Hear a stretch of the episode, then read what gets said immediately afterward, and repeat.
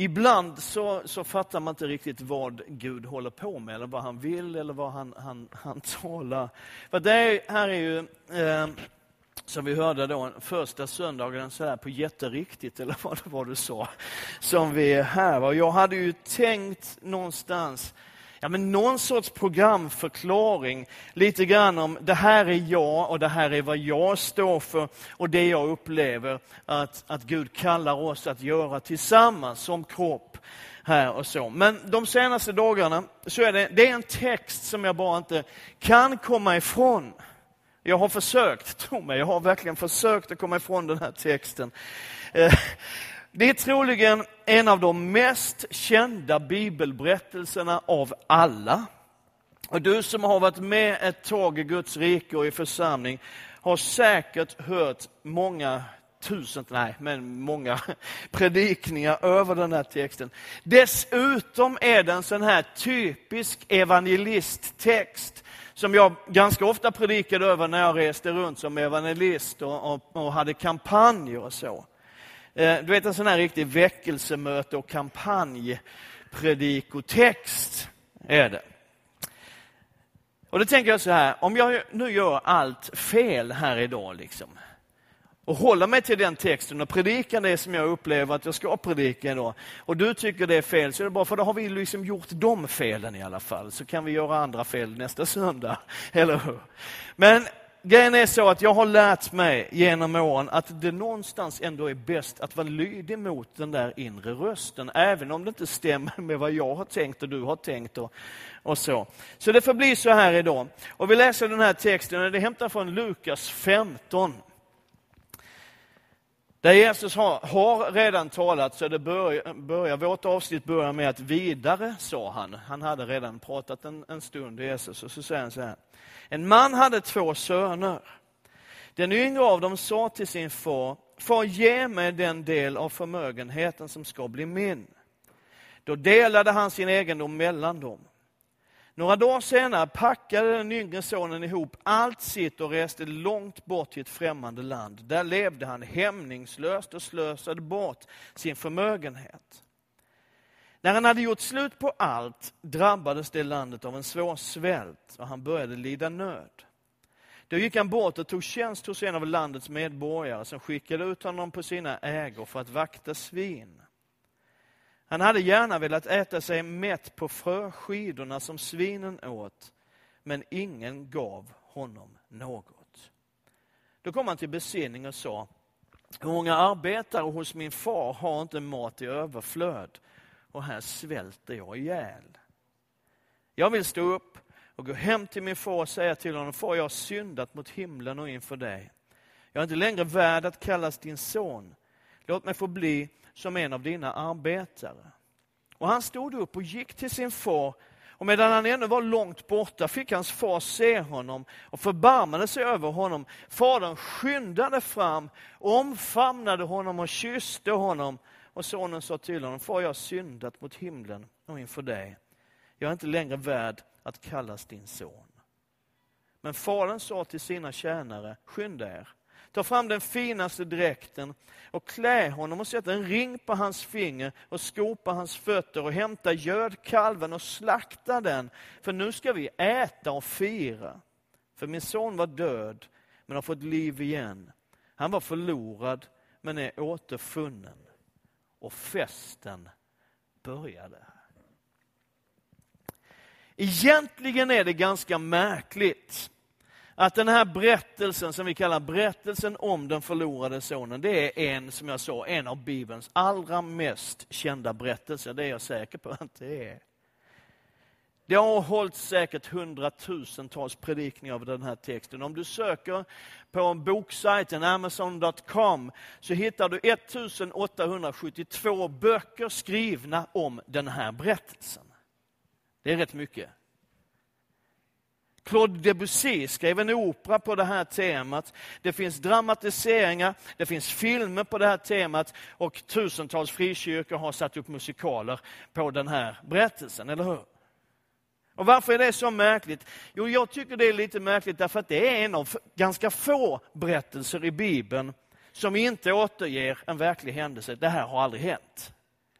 Alltså det har säkert hänt liknande saker, att, att söner har betett sig som, som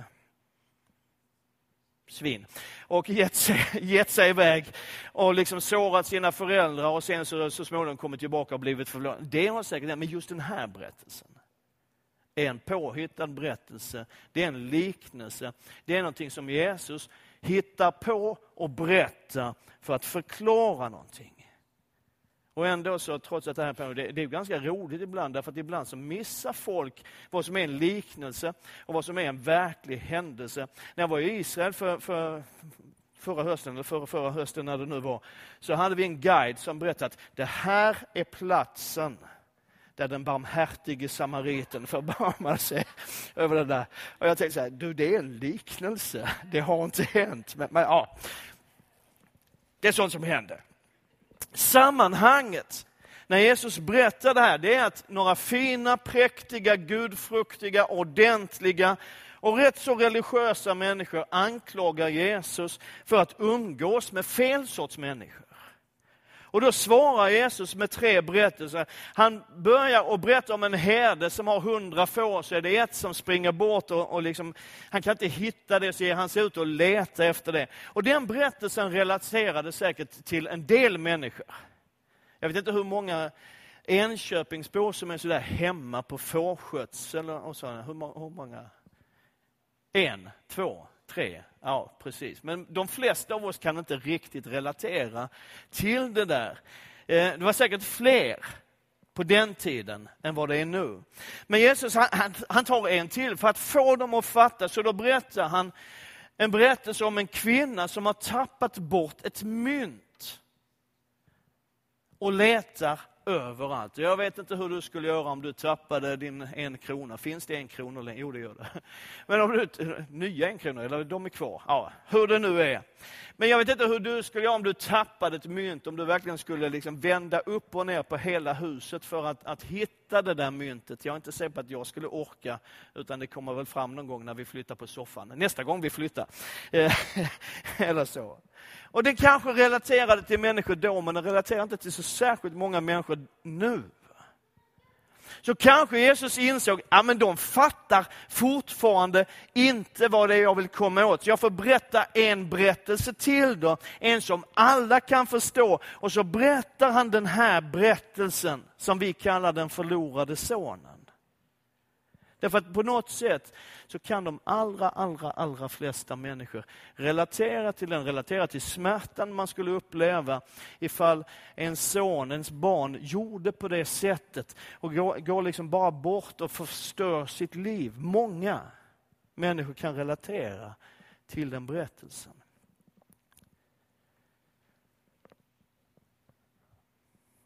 Och det är ju så här att för att man ska känna att man har förlorat någonting så måste man först ha upplevt att det var värdefullt. Om jag hade hundra får och ett försvann så hade det antagligen försvunnit till min grill. Så det var inte så där jättemärkligt.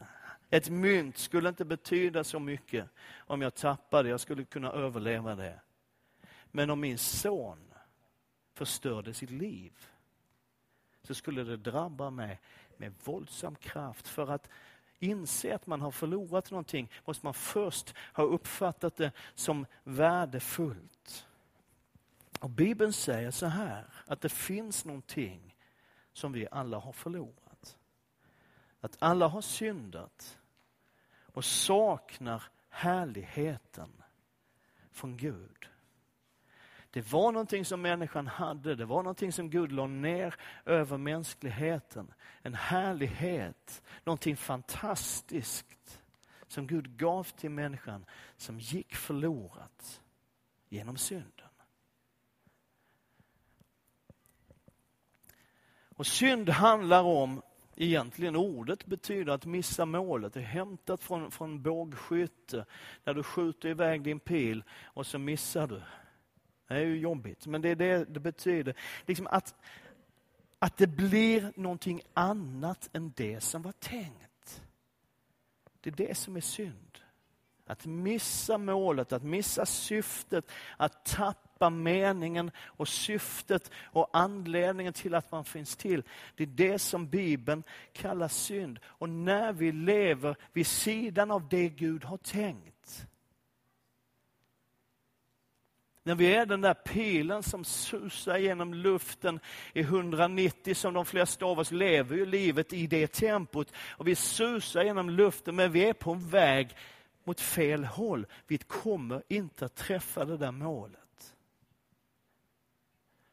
Det är det som Bibeln kallar synd, syndens konsekvens. Och i varje människa, det här är jag övertygad om, i varje människa så finns en längtan efter det som saknas.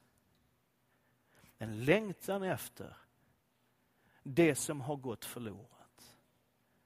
En längtan efter den där härligheten, efter friden, efter känslan av mening och syfte i tillvaron.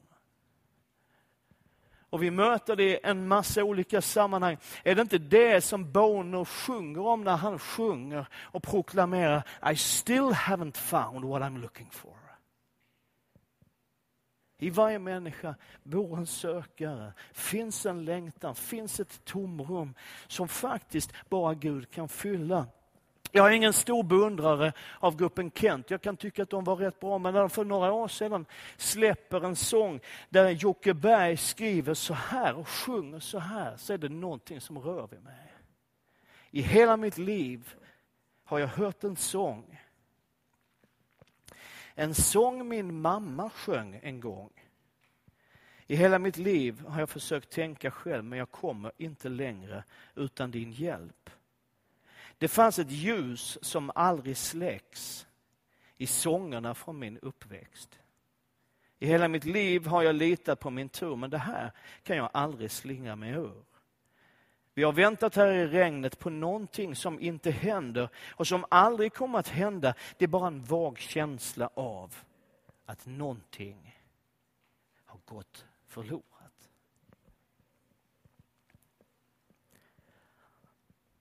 Mitt inne i det, mitt inne i människans längtan, mitt inne i människans tomhet och sökande efter mening, så kommer Jesus och säger, Människosonen, jag har kommit för att söka det som var förlorat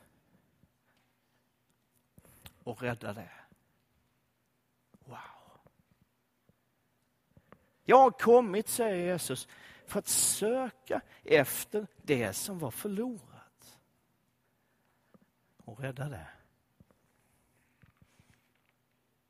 Och Det är fascinerande i evangelierna. Jag tycker det är så starkt varje gång jag öppnar och läser evangelierna. Hur Jesus alltid, alltid, alltid ställer sig på förlorarnas sida. Har du tänkt på det?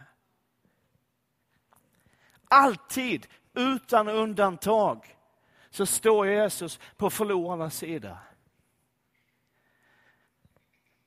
Och Det är fascinerande att se hur han alltid har så svårt med de religiösa experterna, de superreligiösa, de som minsann vet hur det borde vara som kan det här. Och när Jesus säger att han har kommit för att söka efter det förlorade och rädda det, så citerar han från Gamla Testamentet, ifrån Hesekiel, där det står i det 34 kapitlet, de förlorade ska jag söka upp de som har gått vilse ska jag föra tillbaka. De sårade ska jag förbinda och de svaga ska jag stärka. De förlorade ska jag söka upp, de som gått vilse ska jag föra tillbaka. De sårade ska jag förbinda och de svaga ska jag stärka. Sen säger han, och det brukar jag aldrig läsa högt, att de feta ska jag förgöra. Men det är en annan predikan i en annan kyrka någon helt annanstans. Men grejen är, för att nu ändå få med en liten programförklaring. Är det inte en sån kyrka vi vill vara? Där de förlorade blir funna. Där de som har gått vilse får komma hem. Där de som är sårade blir omplåstrade. Där de som är svaga blir styrkta. Är det inte en sån kyrka vi vill vara? Är det inte en sån kyrka Enköping behöver? En kyrka där människor känner sig sedda, blir älskade och bekräftade. Där den som är trasig kan få bli hel. En kyrka där det är okej okay att inte alltid vara okej. Okay. Men där vi inte lämnar människor i att det inte är okej. Okay. En kyrka som ger hopp, som jag tror på framtiden. En kyrka som predikar en ny chans, en ny start. En kyrka som tydligt säger till människor i Enköping, i världen idag, det är inte kört. Det finns ett hopp. Det finns en räddning, det finns en väg, det finns en utväg, det finns en öppen himmel och det finns en öppen famn.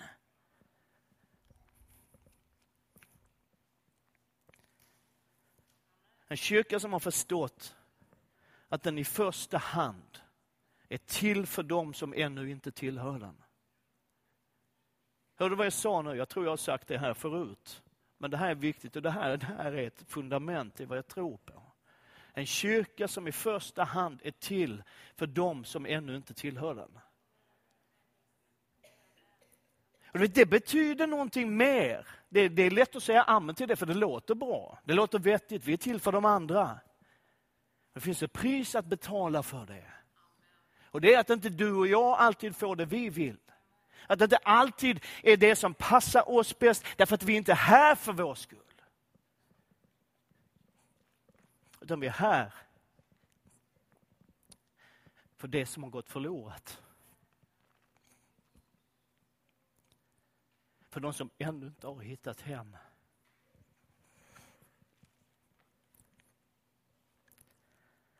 Alltid, utan undantag, på förlorarnas sida. Kvinnan som på bar gärning blev påkommen med äktenskapsbrott. Eller den här kvinnan som Jesus möter utanför staden Samaria som har fem kraschade äktenskap, lever i ett nytt förhållande med någon annans man. Jesus säger inte att det är okej. Okay. Man hjälper henne. Eller Petrus som flippade ur när det verkligen gällde, precis som du och jag ofta gör. Eller Nikodemus som faktiskt var en av de här religiösa experterna som Jesus hade rätt svårt med, men han hade inte så svårt med Nikodemus. För han insåg att religion gör inte en människa fri. Det är inte religion som krävs, utan relation.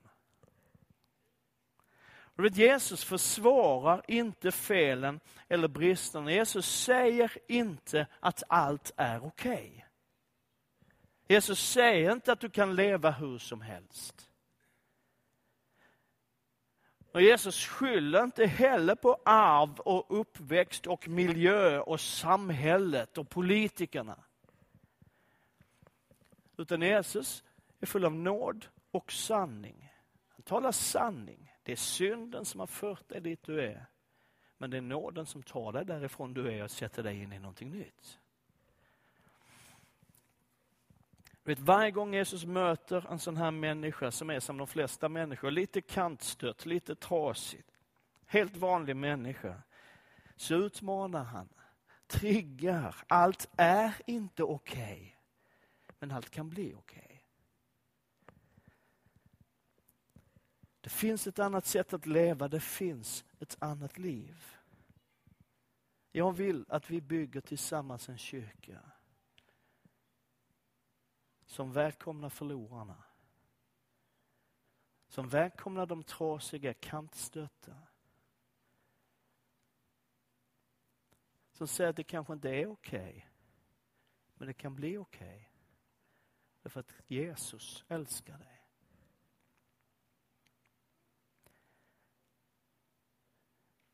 Men grejen är att det finns en, en, en person till i den här berättelsen i liknelsen som Jesus berättar i Lukas 15. Den förlorade sonen hade en bror.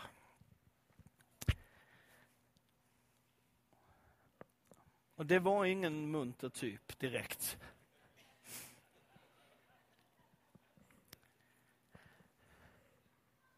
Han fanns där hemma hela tiden. Nära sin far. Men på något märkligt sätt så har han ändå lyckats undgå att lära känna faderns hjärta. Eller hur? Så han är inte lycklig och han är inte glad och han har inte kul. Och framförallt så lever han inte det liv han skulle kunna leva. Det står så här, hans äldre son, faderns äldre son var ute på fälten. När han nu kom och närmade sig gården fick han höra musik och dans.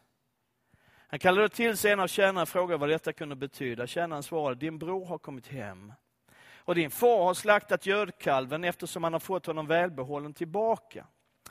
Då blev han arg och ville inte gå in. Hans far kom ut och försökte övertala honom, men han svarade sin far. Här har jag slavat för dig i alla dessa år.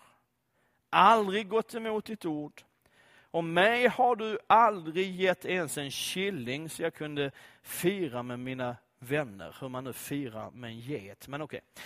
Men när han, men när han där, vilket fantastiskt uttryck om sin bror. Liksom. När han där, denna där, han där kommer hem. Din son som har festat upp din förmögenhet tillsammans med horor, då har du slaktat gödkalven för honom. Fadern sa till honom, mitt barn, du är alltid hos mig och allt mitt är ditt. Men nu måste vi fira och glädja oss.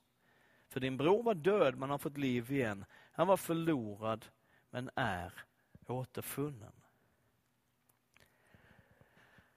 Den här brorsan, han hänvisar, jag vet inte om du, om du tänker på det, men han hänvisar till vad han har gjort. Och det är ingen särskilt vacker bild han målar upp, eller hur? Här har jag slavat för dig. Jag har hållit alla reglerna. Och underförstått i det han säger någonstans så finns ju där, jag borde bli belönad. Jag som är så god. Alltså hans bild är att det Fadern ger borde komma som en belöning för allt som han har gjort och allt han har hållit och fixat till. Han borde få någonting, en get, för sin lojalitet och sin uthållighet. Så han är inte glad, han är inte lycklig, han är inte roligt och han lever inte alls det liv som han skulle kunna leva. Man kan fundera över vilken av de här två bröderna som är mest förlorad. Och pappas svar är så fantastiskt. Om du bara tänker på vad, vad, vad han säger. Han säger, mitt barn, du är alltid hos mig. Och allt mitt är ditt. Han talar om identitet. Han säger, mitt barn. Du är inte en slav. Du är inte en arbetare. Du är inte en medarbetare. Du är barn i huset. Det är vad han säger till sin son. Du är ju barn i huset. Han pratar om position. Du är alltid hos mig. En översättning säger, du är alltid min. Du är min, du är hos mig när du presterar på topp, när allt går bra. När du gör det jag vill att du ska göra. Då är du min. Men du är också hos mig, fortfarande min. När ingenting funkar, när du misslyckas, när nederlagen kommer, fortfarande min. Till och med när du gör allt det som du vet att jag inte vill. Så är du min. Och allt mitt är ditt.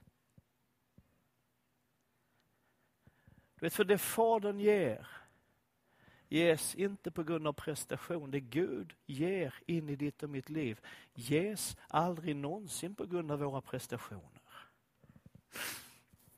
Det är ju rätt skönt. Det handlar inte om hur mycket du och jag ber, hur mycket vi ger i offerboxen, hur mycket vi jobbar och sliter, utan Gud säger allt mitt är ditt. Amen. Precis som han säger i Efesierbrevets första kapitel att jag har välsignat dig med allt. Amen.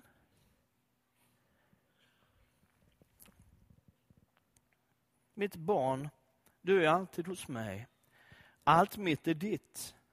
Vet du, det finns ett annat liv än ett liv i plikt och prestation. Det finns så många kristna, jag har mött så många. Jag är ganska säker på att jag då och då själv har varit där också. Där man lever nära, men inte fullt ut känner Faderns hjärta. Så man är med och man är plikttrogen. Man är lojal. Man ställer ju upp. Och väntar på någon sorts belöning. Men man är inte glad. Man är inte lycklig. Man har inte kul. Och man lever inte det liv man skulle kunna leva. Jag älskar de här orden som fanns i texten. Och festen började. Festen började. Den började för att någon som hade varit förlorad fick komma tillbaka och hitta ett hem. Komma tillbaka in i värmen, gemenskapen, i meningen med livet, i tryggheten. Festen började. Men vet du min kära broder, syster, vän. Att den där festen är för oss som har varit med länge också. Amen. Så många kristna som har varit med länge.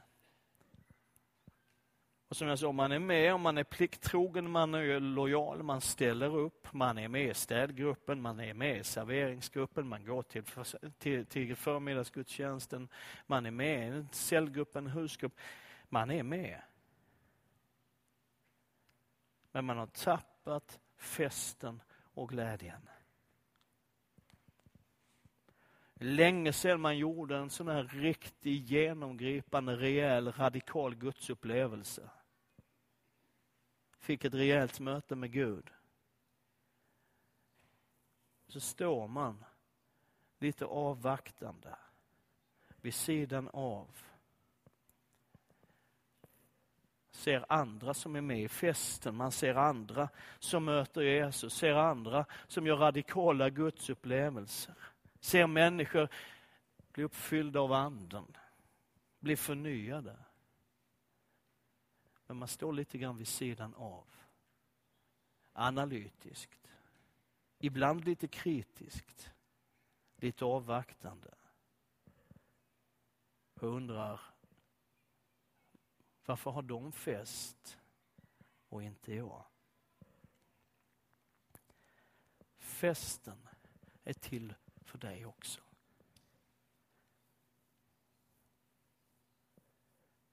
Festen är till för dig också.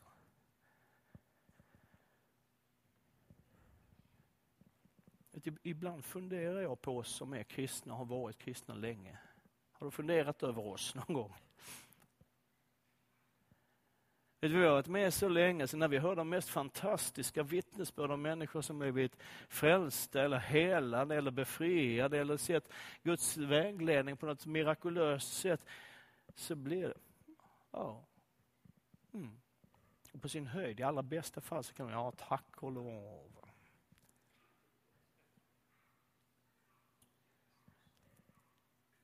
Eller man hör predikan efter predikan efter predikan som talar om Guds löften, vad vi har i Kristus, vad vi är i Kristus, i och med och genom och tillsammans med och för Kristus. Alltså det, vi hör löftena och vi, ja.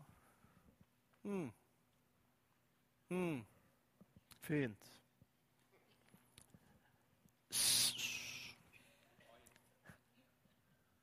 Men vad är det för fel på oss? Hallå?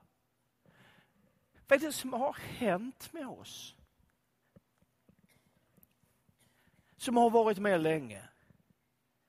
Vad är det som händer i oss? När man inte längre känner nej, våldsamma, stormande glädjen över en människa som blir frälst. Vad är det som händer i Hultbergs huvud när jag börjar analysera och leta efter naturliga orsaker till att någon upplever sig helad? Vad är det för sjuk hjärna som sitter i det här huvudet ibland? Vad är det som händer? Alltså bara hör man budskapet i liknelsen från Jesus. Som säger festen började. Festen började. Vet du, jag har tänkt att vara med i den. I den festen. Men vet du vad som händer? Nu är jag långt utanför mitt manuskript, men det gör ingenting. För det här, det här, det här tar, det tar på mig, så det tar det nog på dig också. För vet du vad som händer? När du och jag som har varit med länge, när du och jag står i festsammanhanget, lite grann vid sidan av, lite grann avvaktande, ibland lite grann kritiska och analytiska. Vet du vad som händer? Vi blir partykillers. Vi sambar festen för de andra. Ska vi sluta med det? För festen är för oss. Festen är för oss allihop. För den som är förlorad, som får komma in i Guds rike och uppleva allt det fantastiska som du och jag redan har upplevt. Men den är för dig och mig också som har varit med i 500 år eller hur länge du nu har varit med i den här församlingen. Den är för dig och mig också. Och jag längtar efter att varje söndag i Guds hus skulle få vara en glädjeexplosion. Ja, det finns plats för sorgen, det finns plats för tvivlet, det finns plats för det som är svårt i livet. Det är självklart att det ska ha plats i gudstjänsten, i, i församlingens liv. Men söndagen är tänkt att vara en fest. Vi firar gudstjänst.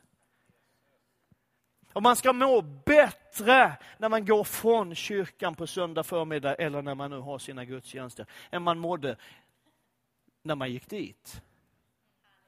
Det är ju katastrof om man mår sämre efter gudstjänsten än innan. Eller hur? Och festen började. Vet du, glädjen kan komma tillbaka i ditt liv. Det behöver inte vara så att du redan har gjort din sista starka upplevelse av Guds närvaro och kraft i ditt liv. Det behöver inte vara så. Och Det som är din situation just nu behöver ju inte nödvändigtvis vara din situation när du går härifrån idag. Därför Gud är här. Jesus är här.